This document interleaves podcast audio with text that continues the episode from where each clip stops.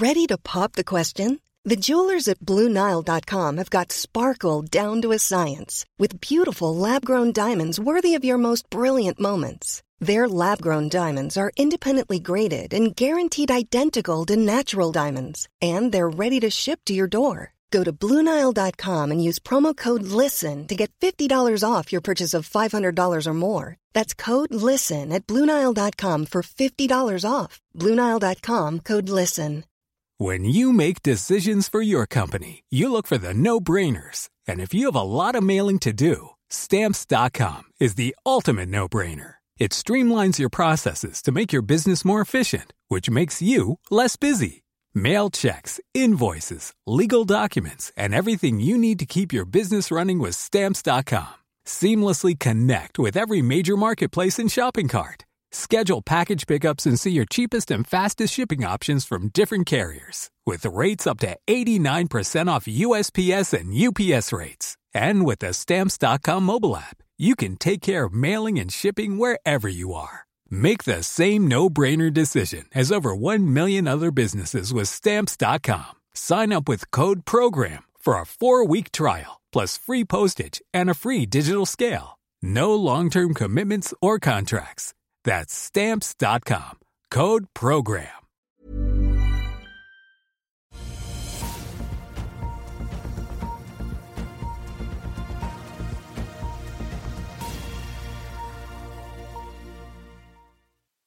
Til Børsmorgen. Mitt navn er Marius Lorentzen, og jeg er her sammen med Karl-Ann Månes på plass på Smestadammen i Oslo. I dagens sending så får vi besøk av 2020 Bulkers styreleder og investor Magnus Halvorsen. Vi er halvveis ute i uken. Kalenderen viser 18. oktober, en dag som også preges av at Entra og Norwegian Property går begge i minus, samtidig som de også da på et annet felt går hver sin vei. Posten-sjef Tone Ville melder at hun går av etter syv år på toppen. Det norske havvindeventyret opplever nye utsettelser, og der altså nå er skader på en telekabel mellom Sverige og Estland, like etter at det altså ble utført sabotasje mot gassrørledningen som går fra Finland ned til Baltikum. Ellers på agendaen i dag så kommer det i tillegg til da tall fra Entra, også kvartalstall fra Handelsbanken. I USA venter vi på Morgan Stanley og Procter Gamble før Wall Street åpner, og selvfølgelig da Netflix og Tesla etter at markedet stenger i USA senere i kveld. Her hjemme så venter det med Markets at Oslo Børs vil starte eh, opp da 0,3 i dag. Nordnett venter en oppgang på 0,2 etter et svakt fall på 0,2 i går. Vi så tiåringen i USA USA stiget til 4,84 i går på sterke detaljhandelstall fra amerikansk økonomi. Dow Jones sendte svakt opp, SMP 500 omtrent i null, med en kvart prosents nedgang på Nasdaq-indeksen. Ellers så falt United Airlines rundt 5% etter stengetid i går. De kom i dag med kvartalstall og endrer på guidingen sin. De peker på at dyrt drivstoff og innstilte flyvninger til Tel Aviv vil tynge inntjeningen på slutten av året. De tar også prognosen ned for inntektene i fjerde kvartal men de har fortsatt ventet å stige 9% da mot samme periode i fjor. I de asiatiske markedene så er det stort sett eh, ja, flatt hvis du ser på Nikkei, eller litt ned ellers. og Nordnett påpeker i sin morgenrapport så er Kina i fokus. Ferske BNP-tall fra den store økonomien i øst viste at landets økonomi da vokste med nesten 5% i forrige kvartal, sammenlignet med en estimat da på 4-4 i forkant. Detaljhandelen både der og for øvrig da i USA i går var jo da bedre enn ventet. Vi ser også at nordsjøoljen igjen er over 90 dollar fatet. faktisk helt opp til 91,40 nå på morgenen i spotmarkedet. Noe lavere hvis man titter litt lenger ut på kontraktskurven for starten av 2024. Både nordsjøoljen og den amerikanske lettoljen er for øvrig da opp 0,8 fra i går. Movi er ute med en oppdatering på kvartalet som akkurat er ferdig. De fikk et justert resultat på om lag 203 millioner euro mot ventet 229. Slaktevolumet var også et par tusen tonn under eh, estimatet og tidligere guiding på 137 000. Handelsbanken melder om sitt aller beste kvartal noensinne. Inntektene økte med en milliard svenske kroner til 16,2. Resultat etter skatt økte med nesten en milliard til 8 milliarder. Og så er Norwegian Block Exchange ute med en melding hvor de skriver at de anser det som lite trolig at det kommer et bud fra Spenn. I mai så meldte Norwegian Block Exchange at Spenn ønsket å legge inn et bud på selskapet. Så nevnte jeg jo Norsk Havvind. Der er det utsettelser på nytt, får vi si. Regjeringen meldte sent i går at som et ledd i prosessen med å få auksjonsregler og krav godkjent eh, av ESA i Brussel, så forlenger man nå søknadsfristen i Sørlige Nordsjø 2, der man altså skal bygge bunnfaste møller med et par uker frem til 15.11. kommer, samtidig som man hevder at auksjonstidspunktet ligger fast. Det blir også noen endringer i bærekraftskriteriene. Når det gjelder den flytende havvinden på Utsira nord, så sier departementet nå at de trenger mer tid, og de vil ikke fastsette noen søknadsfrist lenger. De sier at de håper å kunne få det til i første kvartal 2024. Vi vet jo fra før at en rekke aktører allerede har trukket seg fra hele prosessen.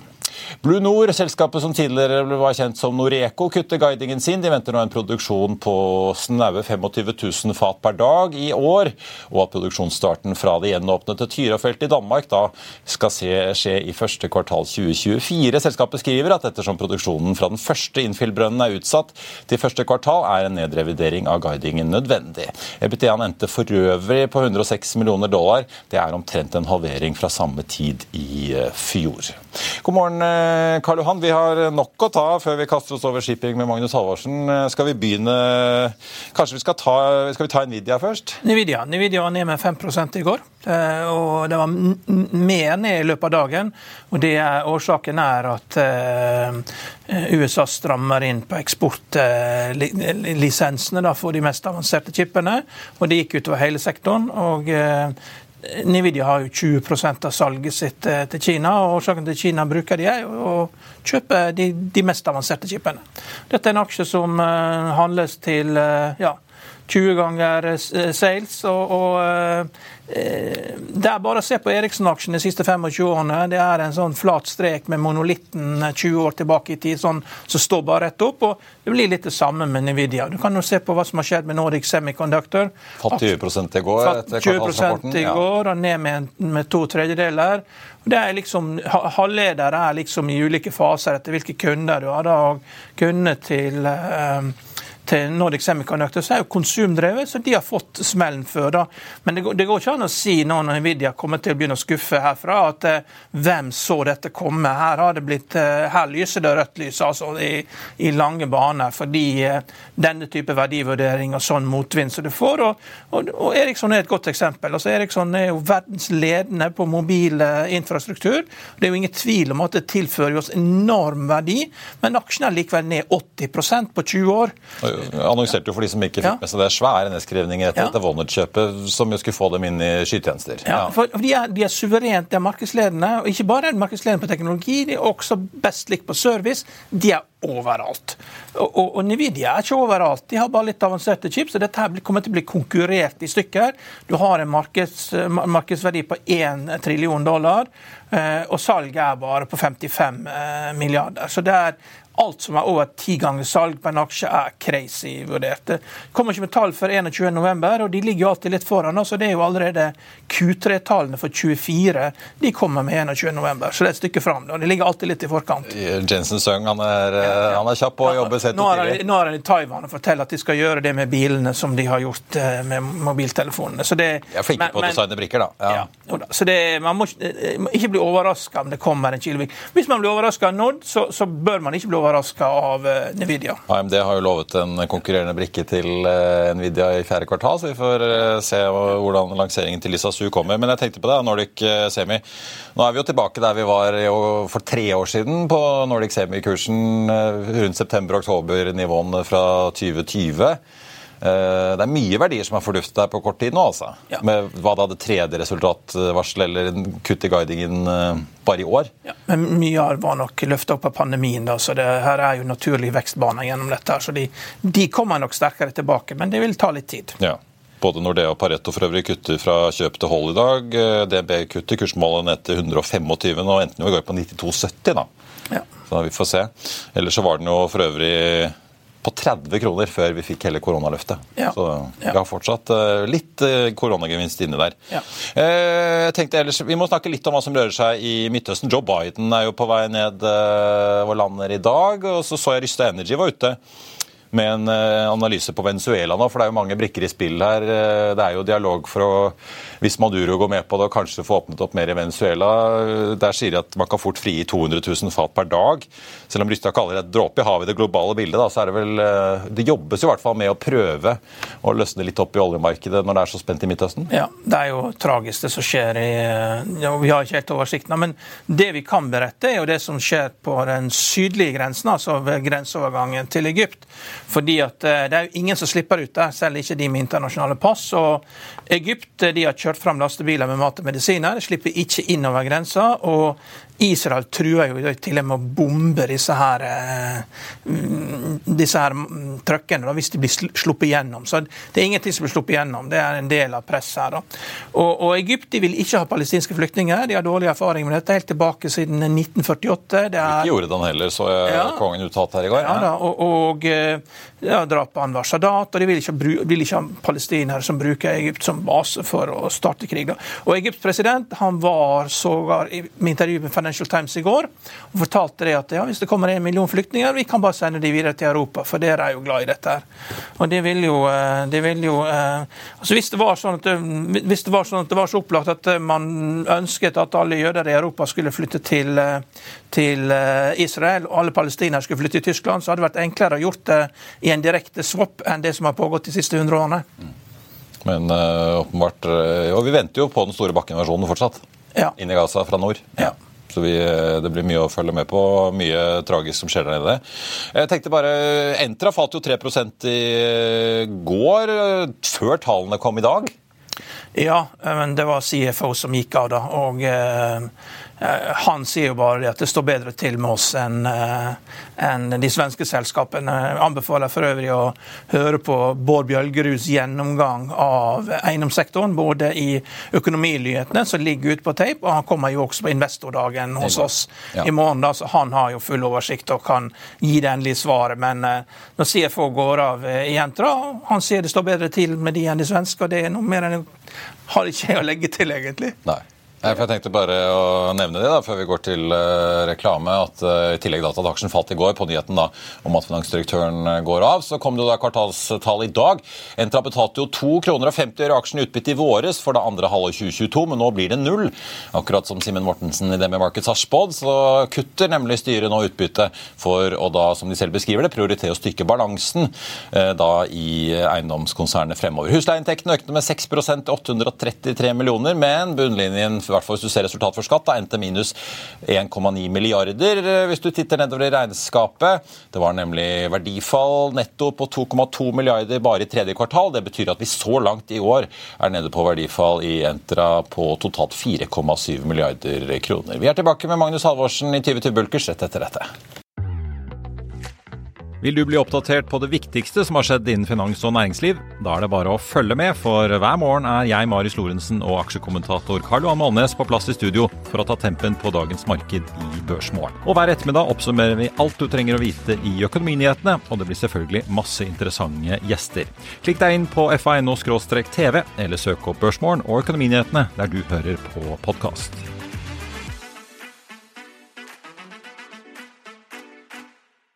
Da skal vi snakke om eh, shipping, for etter en veldig god periode så har ikke året i år vært fantastisk. Ja, Det sa i hvert fall dagens gjest da han sto på podiet på Pareto-konferansen tidligere i høst og presenterte selskapet han er styreleder for, nemlig 2020 Bulkers. Velkommen til oss, eh, Magnus Halvorsen, og god morgen. Tusen takk.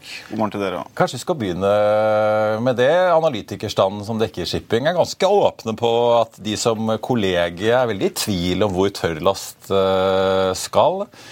Hva tenker du selv? Eh, nei, jeg tenker Hvis du ser på markedet, så er det jo jeg tror sånn Oppfatningen der ute er at uh, tøllast er kun Kina. og På mange måter så er det riktig at Kina betyr mye, og at det står dårlig til i Kina. Derfor må tøllast være dårlig. Og Det er jo egentlig eh, feil hvis du ser hvordan det siste året har utviklet seg. Altså, det er ingen tvil om at eiendomssektoren i Kina har store utfordringer, eh, som selvfølgelig har en potensiell negativ påvirkning på, på ståletterspørsel. Ehm, så hvis du på en måte sitter og leser Financial Times og Bloomberg og, og, og prøver å oversette det til et syn på tøllastmarkedet, så tror jeg du tar feil. Det som har skjedd i år, er at Kina faktisk uh, har uh, vært store importører av så å si alle råvarer. Hvis du ser i det markedet vi opererer, så er jernmalm det desidert viktigste. Der er Eh, Kinas import opp ca. 7 i år. og Allikevel faller lagrene deres. Jernmalmlagrene er nå på det laveste nivået man har sett siden 2016. Eh, og også sesongmessig er man langt nedenfor de nivåene man, har sett eh, på, på, samme tiden de siste årene. Eh, så sånn alt i alt så har faktisk etterspørselssiden i vårt marked vært veldig bra i år. Den har vokst med nesten 4 eh, Det har heller ikke kommet så mange skip, og det kommer jo enda færre til levering i de, neste årene. Så da kan man spørre hvorfor har ikke markedet vært bedre? Eh, og, markedet har jo vært greit. Vi har jo tjent penger, og, nå de siste par ukene så har det jo strammet seg ganske voldsomt til. Så i dag ligger vi og tjener over 40 000 på på båtene våre. Så, og du trenger vel 16, 16 ja, vi, vi har en cash break-even på 16 400, ja. Eh, det som har skjedd, og det, dette går egentlig helt tilbake til covid, så ble det bygget opp ganske store ineffektiviteter i flåten. Eh, og det er mange måter å måle det på. En, en serie vi liker å se på, er eh, hvor stor andel av Cape Size-flåten ligger i havn til enhver tid. Og så vil du si at det ligger og svinger i et sånt bånd. Og under covid så gikk det i all time high, så jeg tror vi, vi toppet ut i mai eh, i fjor, faktisk. Da var det 34% av alle Capesize lå på én dag i, i, havn. Det vil jo alltid være, eh, være mange som ligger, fordi de laster og losser. Og plutselig så gikk proppen ut. Eh, og det gjorde jo egentlig at man kom fra en ganske bra start på fjoråret. Så skulle man inn i det som sesongmessig normalt er sterkere, fordi det går større volumer. Men man ble møtt med en, vegg av skip som, som, rett og slett uh, kom ut i markedet fordi eh, operasjonen ble mer normalisert. Så stabiliserte det seg, og så har vi egentlig hatt i år sånn fra ja, sent våres gjennom sommeren så, så hadde vi runde to hvor si, proppen gikk ut igjen. Det som er interessant nå, er at nå er vi nede på Vi er oppe på effektivitetsnivåer som, som ligner det vi, vi, så på det beste altså helt tilbake til 2016. Så det som var en litt sånn kunstig stramhet i markedet, og som hjalp markedet vårt i, i 2021, og som egentlig har gått ut da i to omganger i, i 2022 og i år, eh, det, det, er nå tatt ut av markedet. Så, så, den risikoen nå ligger jo igjen på oppsiden. Men det er klart det tilsvarer jo, når du får en sånn effektivitetsforbedring som vi har sett, så tilsvarer det, ut fra hva vi regner på, i perioder at man hadde en effektiv flåtevekst på nesten 10 så, så for å gjøre det litt ja, Bare ved at folk uh, gir mer gass, rett og slett? og seiler Nei, det er, ikke, det, det, er, det er egentlig at uh, Hvis du ser på havnene, at ventetidene går ned. Uh, at båtene kommer inn og, og losser raskere. men dette er litt et sånn trekkspill. ikke sant? Det er og det, det, tror jeg er for veldig mye av shipping. og så, så, skal man være såpass ydmyk og si at mange av de beste markedene, kanskje de fleste av de beste markedene, kommer av ting man ikke kunne forutse. Selvfølgelig må tilbud og etterspørsel se fornuftig ut, og det, det gjør det på alle måter i tørrlast nå. Vi har liksom en etterspørselsvekst som er på linje med, med, med historisk vekst på 3-4 og Neste år er det vel 1,8 brutto tilvekst i Capesize-markedet før skraping. Eh, men av og til så skjer det ting. Det kan være en eh, syklon, det kan være is i, i Kina som gjør at, eh, at, du får en trafikkork, hvis man kan kalle det det. Og disse tar ofte veldig lang, de forplanter seg, så tar de lang tid før de løser seg opp. Men det kan bety veldig mye på utnyttelsesgraden på flåten på si, kort til mellomlang sikt. Eh, og, og, og, sånn som det er nå, så, så, så, så, går alt på skinner, og det gjør det sjelden over tid. Så jeg aner ikke hva som blir den neste proppen som kommer, men, men, men, at det kommer på et eller annet tidspunkt, det tror jeg. Men det du... aller viktigste var jo at eh, Kina forbød import av jernmalm fra Australia. Det fikk jo en enorm effekt på hele markedet. Nei, de har aldri forbudt import av jernmalm fra Australia. Kull var forbudt. Kull, ja. Kull, ja. ja. Riktig. Eh, jernmalmen trenger de ja. i aller høyeste grad. Men, men de har jo åpnet opp igjen for, eh, for import fra Australia. Hvor, hvor, mye hadde det å si uh, at de forbød det? det, det var det Handysize som fikk det, da? Det det? Nei, da gikk det i større grad særlig på Panamax fra Indonesia. Ok. Ja. Så, så, du kan si kull har vært ganske nøytralt for vårt marked i år. Hvis du, hvis du vil se på hva som har drevet markedet vårt, så har jernmalm vært positivt. Og så er det bauksitt fra Vest-Afrika som har blitt en stor trade.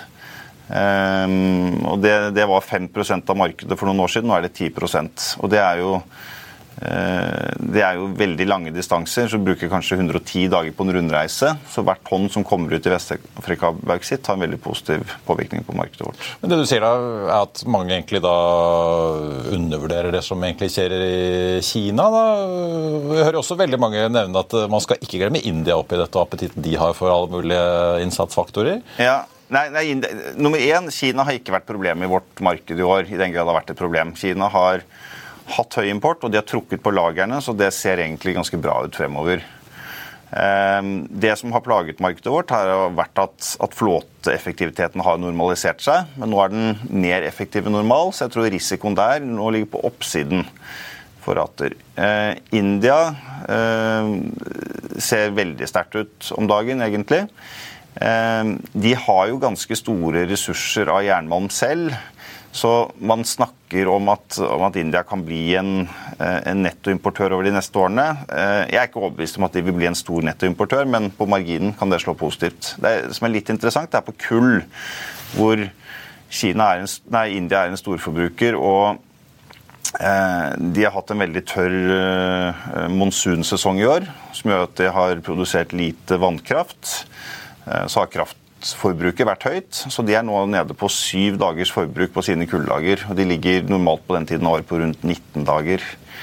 Eh, så det, det tegner jo vel for, for, for, for, behovet for kullimport. Og Du får vel kanskje litt strukturell hjelp av at eh, mye LNG som har gått til Pakistan og India, går til Europa i stedet? For Europa må erstatte russisk gass, og så forflytter alt seg, så de trenger mer kull? Ja, altså, klart, Kineserne er jo vanvittig flinke tradere og har på mange måter vært, eh, vært vinnerne de siste årene. De har jo Eh, som du sier, hatt eh, store gasskontrakter, men med fleksibilitet på, destinasjonene. Så de har sendt det til det europeiske markedet, som har betalt godt.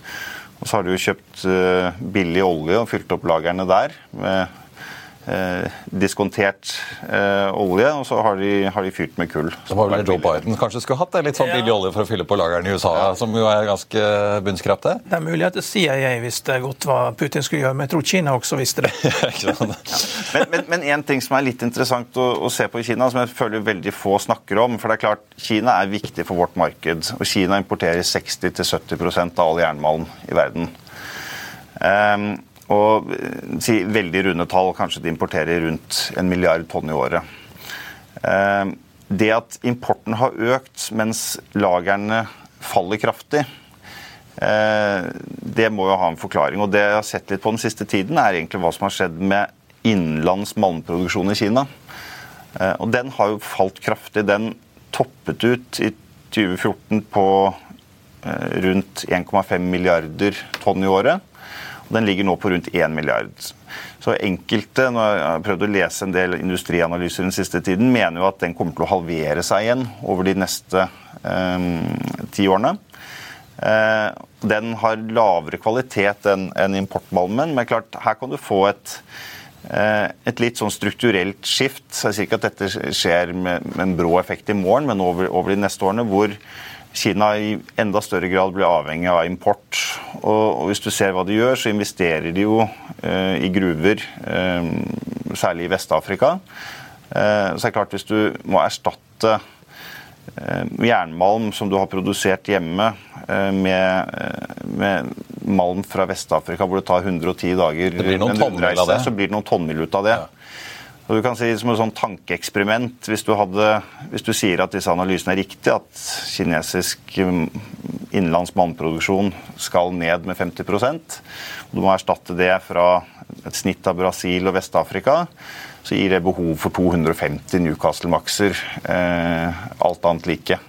Eh, og flåten i dag, hvis du tar Cape Size og, og større, da, som inkluderer Newcastle-maks, er rundt, uh, rundt 2000 skip. Og så er det 750 som må skrapes over de neste ti årene. Så eh, du One size fits all seems like a good idea for clothes until you try them on. Same goes for healthcare. That's why United Healthcare offers flexible, budget friendly coverage for medical, vision, dental, and more. Learn more at uh1.com.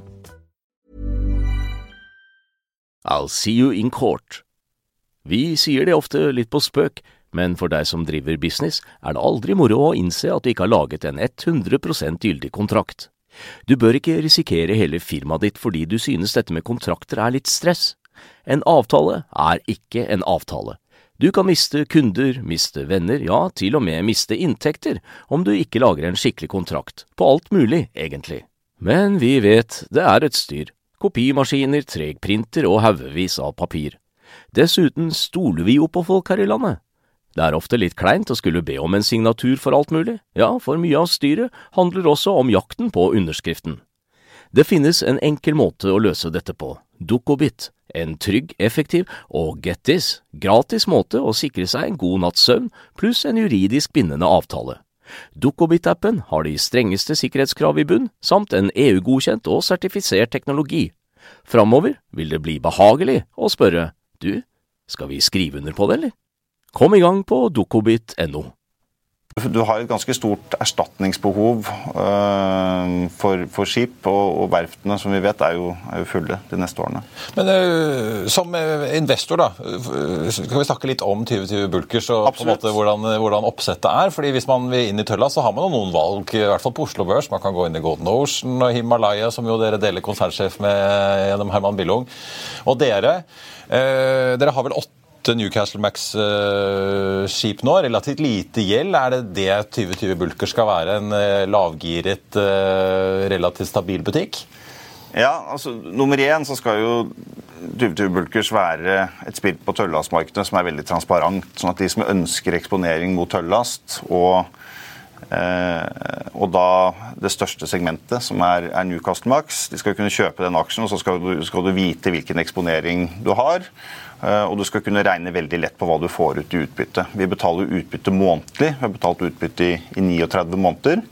Og for de som har vært med, nå er ikke selskapet så gammelt, men nå er flåten fire år i snitt. Vi har allerede betalt tilbake 80% av den egenkapitalen som er skutt inn. Så det har jo sånn, sånn sett vært en modell som har fungert.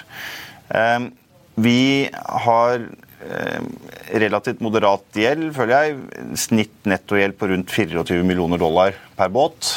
Og så er vel disse båtene sånn, hvis du ser på meglerverdier, verdt pluss-minus 55 millioner dollar i dag.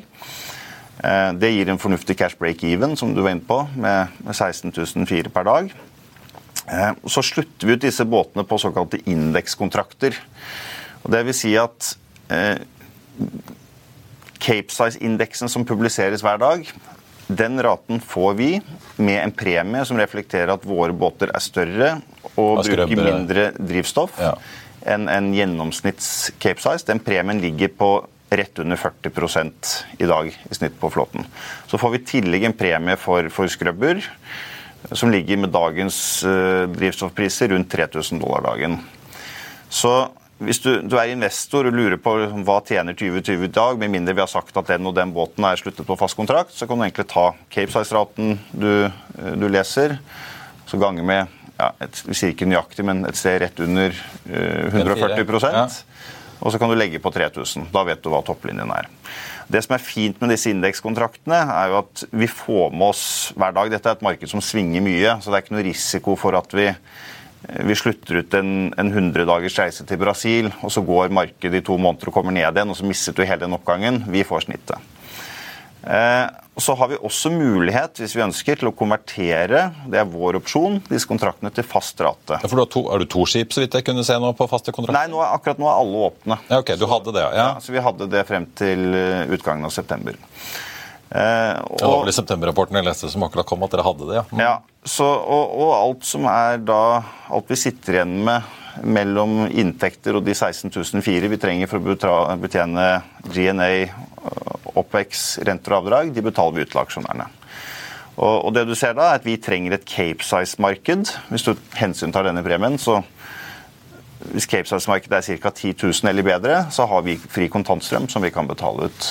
Um, og, eh, og det er klart, Nå har vi et ganske positivt syn på markedet, så vi, vi har ikke låst noen kontrakter. Og vi syns egentlig ikke Av og til så vurderer man om man skal om man skal ta sikring hvis du vil inn i første kvartal, som, som sesongmessig er det svakeste.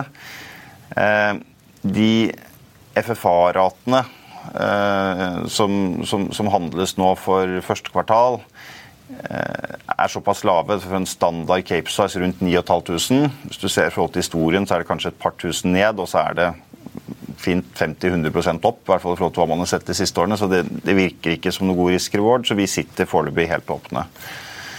Hva skal til da, hvis du har jo åtte skip nå, da? Ganske god kontantstrøm, stort sett, i hvert fall, så får vi se hvordan det går i Q1. Men likevel sånn historisk og nå ganske grei inntjening. Hva skal til for at dere tenker at noe av denne kapitalen allokerer vi heller enn utbytte til å kjøpe oss noen flere båter?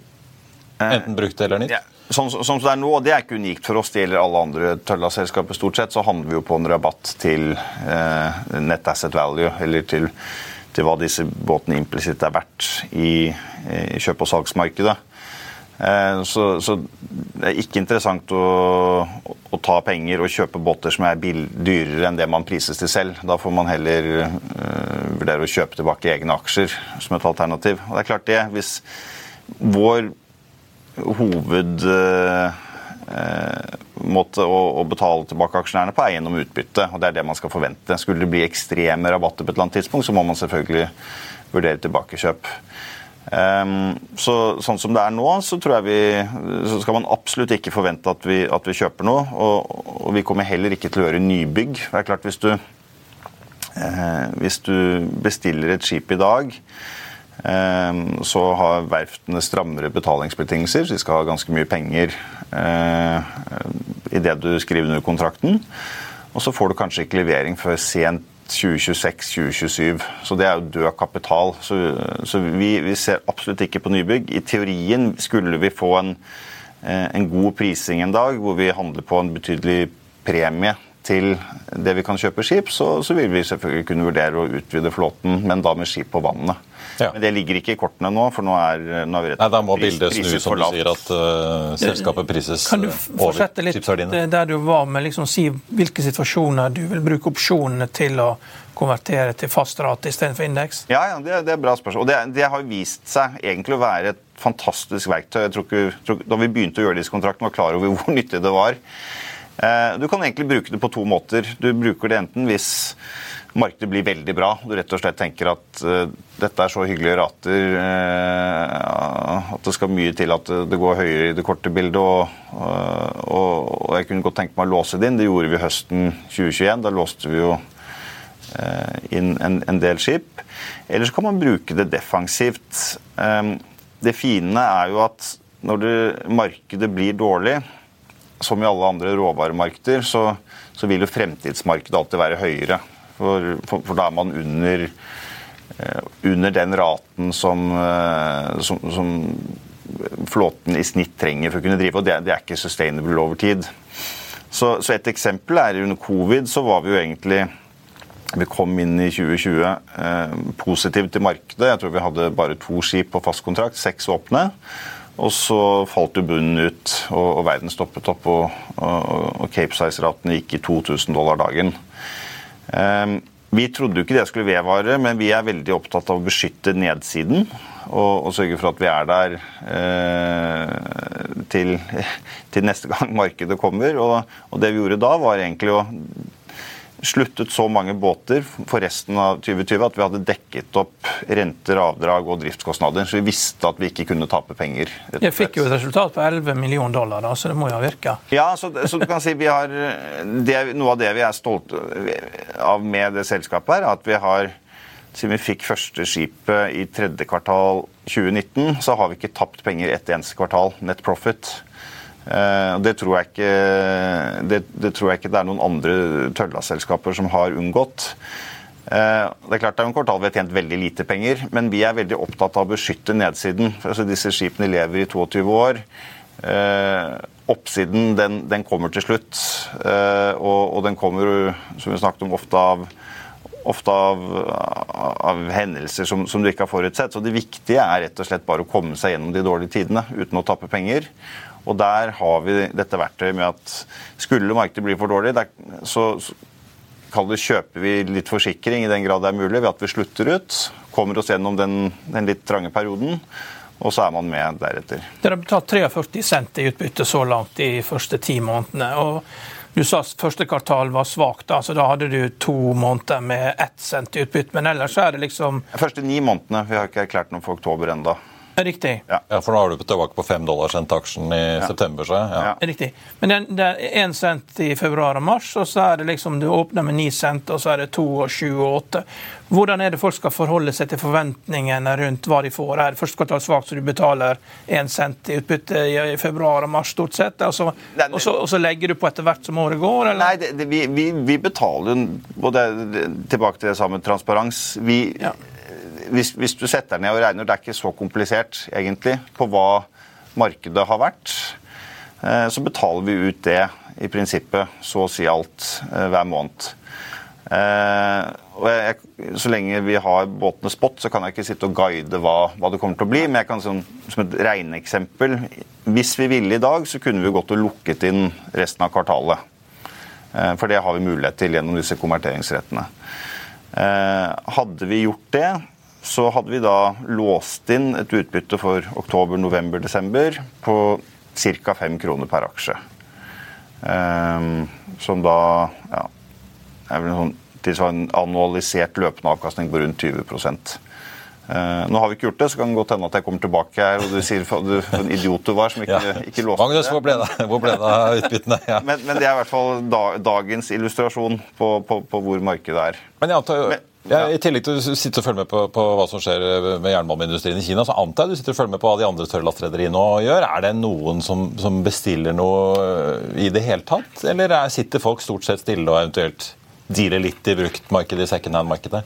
Det er jo det som er eh, gjør at, at, vi er ganske konstruktive på markedet over de neste årene. Så Det er bestilt veldig lite. Ordreboken i dag for Cape Size er på rundt 5% av den eksisterende flåten. Eh, og det er jo stort sett ordreboken som ødelegger eh, shippingmarkeder, eller, eller, skaper de gode markedene over tid. Og for å ta et eksempel, Da vi hadde forrige ordentlige boomen i tøllast, fra 2003 til 2009, da gikk ordreboken på Cape Size til 120% altså Det var 1,2 båter i bestilling per Per båt i drift. Per, per båt i drift. Og, og, og, det er jo faktisk eh, Det er alltid en historie. Hva skjer i Kina, hva skjer i India, hva skjer der? Eh, og Folk prøver, sitter og prøver å gjette på etterspørselen. Over tid så har etterspørselen vært relativt stabil. Den har vokst 3-4-5 eh, i nesten 30 år. Eh, og så vokste den litt mer når Kina gikk inn i WHO, men eh, den, den, den, vokste omtrent på de nivåene før det, og den, den, har vokst etterpå. Så det er denne tilbudssiden som, som, skaper problemene. Og folk bestiller ikke. Jeg tror det er to grunner til det. Det ene er det er usikkerhet. Du skal bestille et skip som, som skal vare i kanskje opptil 25 år. Eh, og hvis du bestiller i dag, så får du det ikke før i eh, kanskje 26. Eh, vi skal ha mange som er ute i 27. Da har du fått være ganske, sikker, levetid, altså. ganske ja. sikker på at du bestiller riktig drivstoffteknologi. Eh, med tanke på de ambisjonene industrien har på å dekarbonisere. Eh, og så er jo nybyggprisene eh, i dag såpass høye. Jeg tror du skulle bestilt en av våre båter i dag for levering som er sier 26-27. Begynner det å nærme seg 70 millioner dollar. Og Da er det jo mer attraktivt å kjøpe båter i, eh, i annonsmarkedet. Prøve å, å kjøpe, 55, eller, ja. kjøpe en relativt Hva var toppraten på Cape Size i 2007-2008? Eh, det var vel rundt 180 000 dollar dagen, hvis jeg ikke tar helt feil. Så det er jo nesten endeløst for bladet. Det var, vel, det var vel sånn at eh, frakten kosta like mye som lasten. Og da, da, bruker det å stoppe opp når de sitter og regner og ser at oi. ja, nei, da, da var frakten. Men det er jo absolutt ikke noe problematikk nei, i dag. I nei. dag er jo jernbaneprisene 110 dollar per tonn. Ja. Eh, og det koster eh, ca. 11 dollar å frakte et tonn fra ja. Australia til Kina. Ja. Eh, så kan du snu litt på det. Altså, Blir markedet stramt så kan, de, så kan de fint betale fem dollar ekstra uten ja. at det ødelegger for noen. Ja. Uh, og da, da, snakker vi rater på en vanlig Cape size uh, ja, på rundt 50 pluss 1000 dollar dagen. Da tjener vi 70-75. Så da Shipping er billig. Det er billig å frakte ting med båt. Ja. Men, men, men bare, bare, for, bare, for, å avslutte litt på det, så det, det, det, som vi ikke har sett før, er denne lave ordreboken. Mm. Eh, og, og, vi har jo fått litt hjelp egentlig både i tankmarkedet og bulkmarkedet fra alle de bestillingene som har skjedd på container og LNG. Altså Under covid som du husker, så, så gikk jo konteinerraten i taket, og, og det ble bygget opp en massiv ordrebok der. Eh, det er jo en kjempeordrebok på LNG-skip.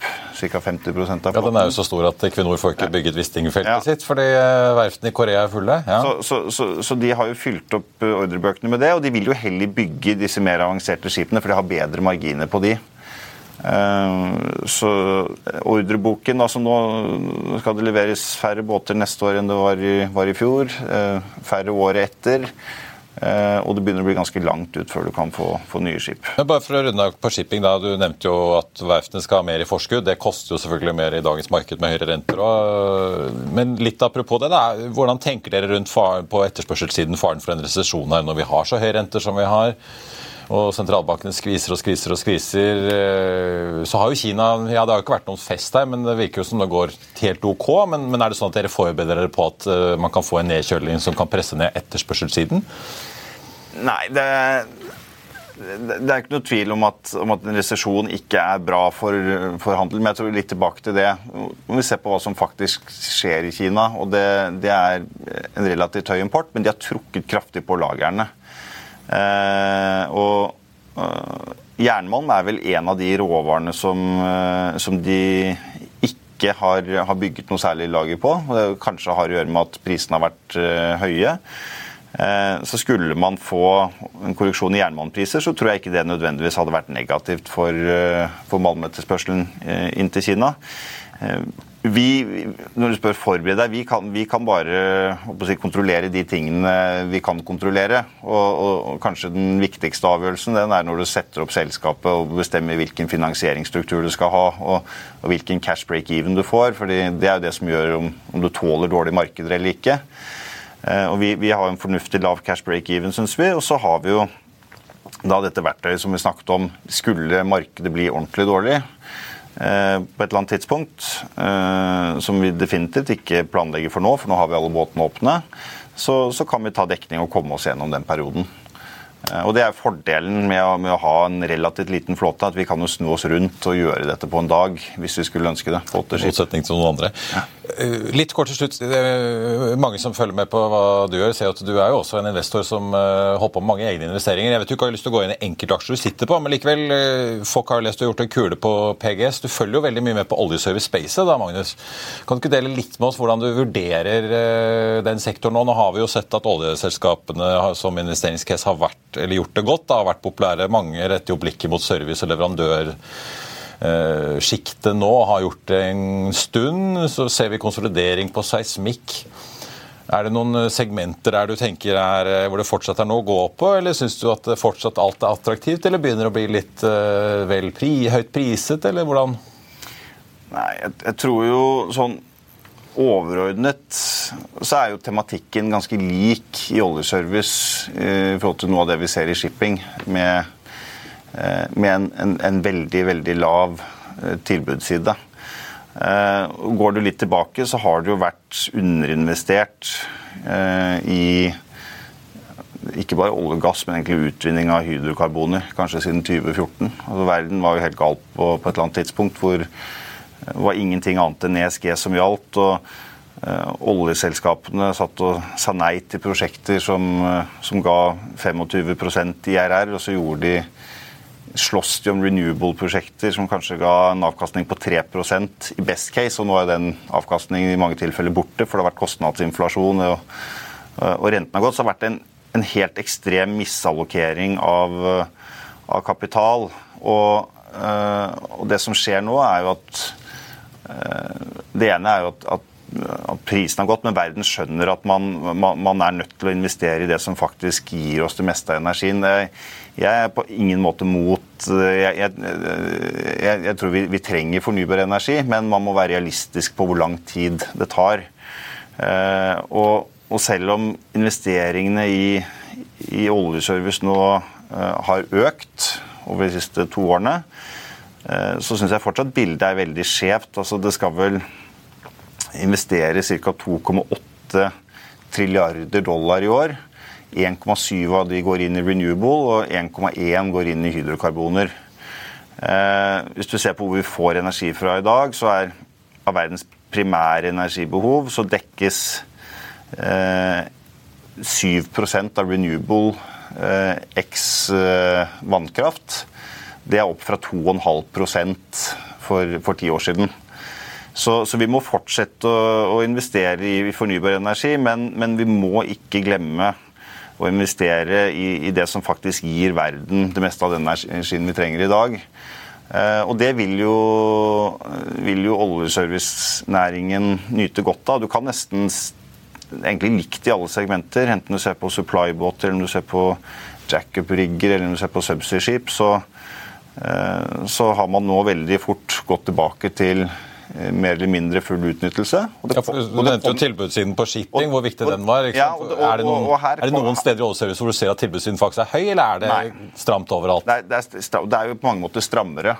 Og, og du, det har jo blitt veldig veldig mye dyrere å bygge. Det er jo ingen som har bestilt f.eks. en dypvannsrigg i dag, så ingen som helt vet hva det koster. Men si at det tapper toppet ut Det spørs litt om du ser på en harsh environment-enhet eller ikke, men om det toppet på en 700-800 millioner dollar i forrige sykkel, koster sikkert 1,2 milliarder å bygge i dag. Eh, og ratene er jo ikke i nærheten av å være på et nivå som, som forsvarer det.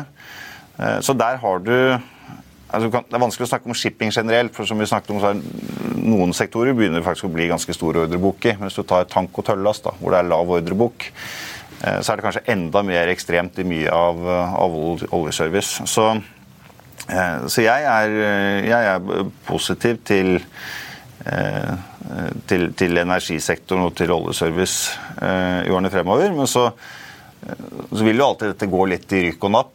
Og nå, og nå skal vi sikkert inn i en periode hvor, hvor særlig en del av ja, kanskje riggsektoren eh, får noen litt negative overraskelser på, på CapEx-siden, på, eh, på, oppgradering av, av, enheter. Du ser Det er kostnadsinflasjon etc. Så er det alltid sånn jeg vil ikke sitte og spå aksjer opp og ned, men det er, det er jo ikke sånn at ratene bare går og alt er bra i, i fem år, selv om du har en, en, en oppsykkel. Eh, men, men, at det er eh, et sted hvor du fortsatt kan kjøpe relativt billig eksponering. og og hvor mer av kapital må allokeres inn, det er jeg ganske sikker på. Magnus Halvorsen, eh, styreleder til vanlig i TV2 Bulkers, får jeg si, som også er oljeserviceinteressert. Tusen takk for at du kom til oss og delte eh, litt, eller mye av mange av taktene, får vi si. Det blir veldig spennende å følge fremover.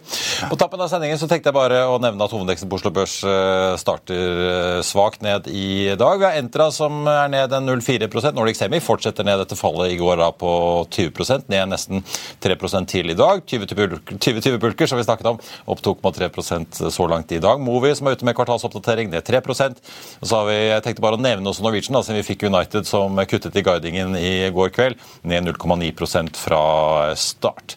Det var børsmålen for den onsdag 18. oktober. Skal få med økonominyhetene senere i dag 14.30. Siste nytt får du som alltid på FA1 og gjennom hele dagen. Ha en riktig god onsdag alle sammen. Vi ses.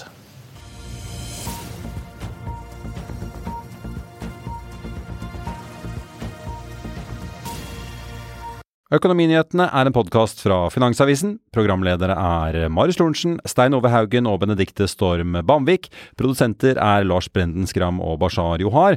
Og ansvarlig redaktør er Trygve Hegnar.